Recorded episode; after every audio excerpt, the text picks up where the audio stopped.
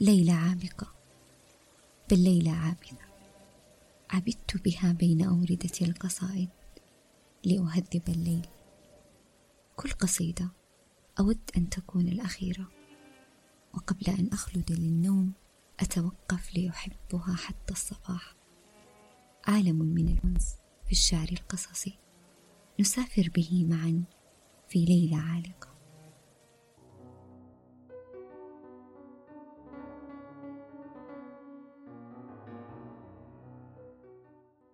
بعد طول اختناق والكثير من زلازل الألم في صدري بعد أن تفشى العجز في أجزاء روحي وتخطت محاولاتي حدود صبري.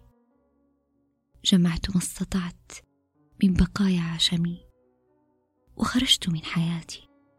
أجر قلبي معي. خرجت لوجهة غير معلومة. أبحث في وجوه العابرين عن حديث دافئ. يغيط جراحي.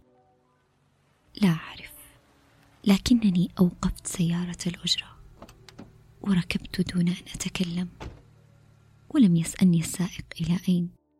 كأنه يعرف كانت رائحة الدخان في سيارته تزاحم الحيرة بداخلي وتعطل عقلي عن التفكير. لكن أغنية ما كان يسمعها. لا أعرف منها سوى صوت ماجد الرومي. كانت تعنيني تماما. تصف حاجتي ويأسي. كن صديقي. كن صديقي. ليس في الأمر انتقاص للرجولة. غير أن الشرقي لا يرضى بدور غير أدوار البطولة.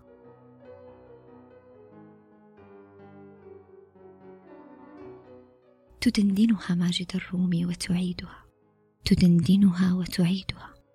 حتى تعرى حزني تماما. وكشفت شكواي قبل أن أقولها. وشعرت أن ذلك السائق كان يقصد أن يرفع صوت المسجل في تلك اللحظة. ذهبت بعيدا أفتش في هاتفي. من كتب هذا الجمال؟ ولمن هذه الكلمات؟ وإذا بسعاد الصباح تقول الكثير والكثير. قصيدة عالقة. في ليله كانت عالقة. سعاد الصباح الشاعر العظيمة ما كتبت أبيات تخصها وحدها بل وكانها كانت موقنة. أنني سأحتاجها يوما ما. في رسالة هي الأجمل من نوعها. قصيدة تحمل معها أوجه الحب المختلفة. مسحه عتب رقيقة. ونكهة رجاء وحكمة طلب تقول فيها كن صديقي. كم جميل لو بقينا أصدقاء. إن كل امرأة تحتاج أحيانا إلى كف صديق وكلام طيب تسمعه وإلى خيمة دفء صنعت من كلمات لا إلى عاصفة من قبلات. فلماذا يا صديقي؟ لماذا لست تهتم بأشياء الصغيره ولماذا لست تهتم بما يرضي النساء؟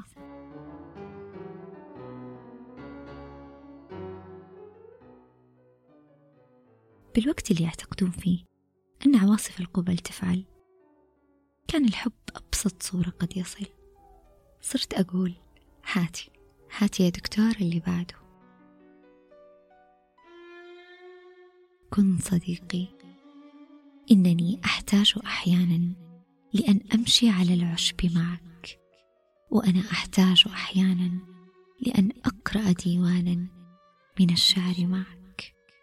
وأنا كامرأة يسعدني أن أسمعك.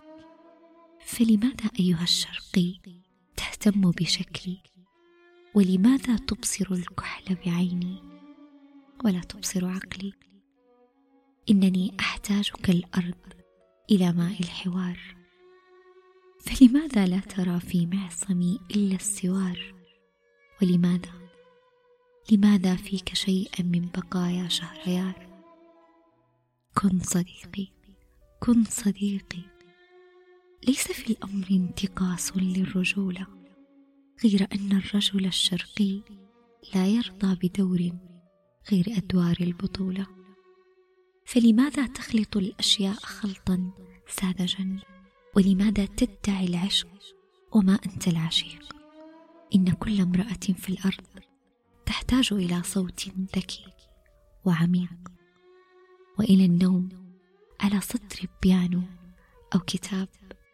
فلماذا تهمل البعد الثقافي وتعنى بتفاصيل الثياب؟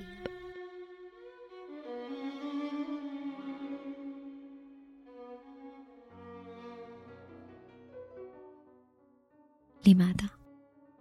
سؤال يتألم وقوارير الأجوبة فارغة وما من وصفة بديلة تنقذ الموقف؟ لماذا؟ سؤال من خمسة أحرف فقط. لا يوجد رجل يستطيع أن يجيب عليه أو ربما يعرف لكنه يخشى أن يعترف. لهذه الدرجة الموضوع صعب ومعقد للكثير. من بقايا شهريار على قول دكتورة سعاد. وماني عارفة ليه. ليه ما في صداقة؟ وليه نحن مضطرين نطلب طلب كهذا؟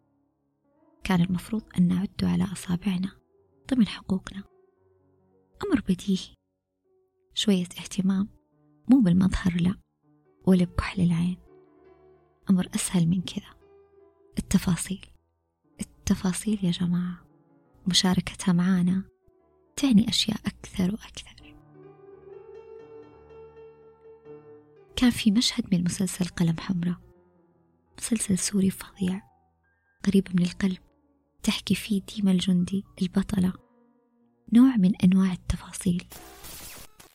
أنا بدي مين يحبني؟ مرة عمرها 33 سنة بدها حب إيه بتعرف إنه أنا بحبك إيه ليش؟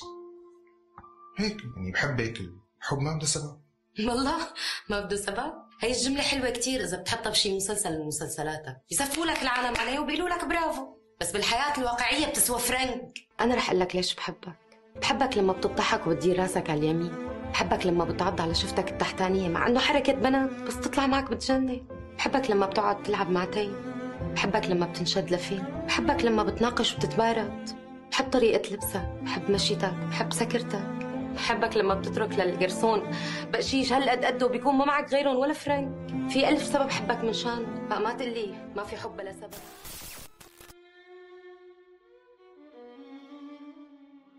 مشهد عظيم اتضحت وتجلت فيه أهمية التفاصيل. هناك سبب ومعنى لكل شعور.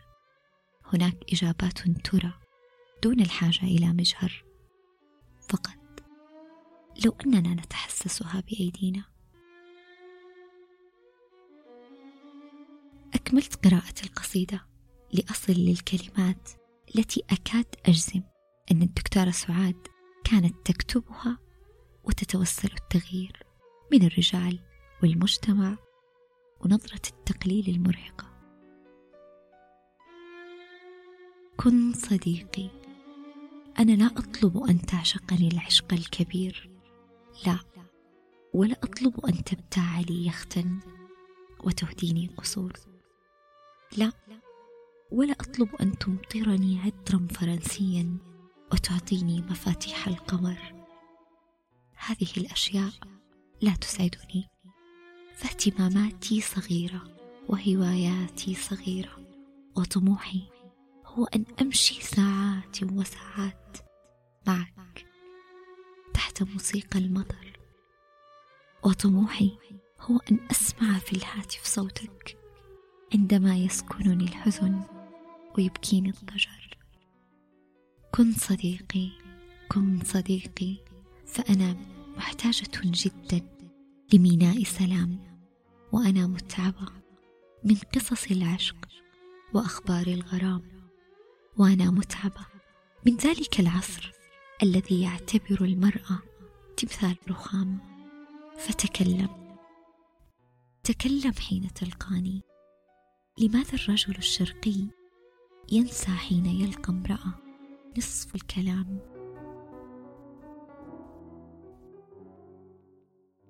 نعم.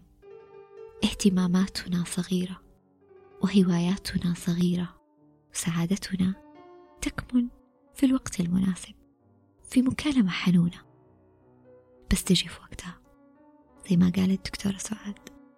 فعندما يفوت الوقت لا تعد نبضات القلب كسابقها وكلمات الحب تصبح بلا معنى مجردة فارغة.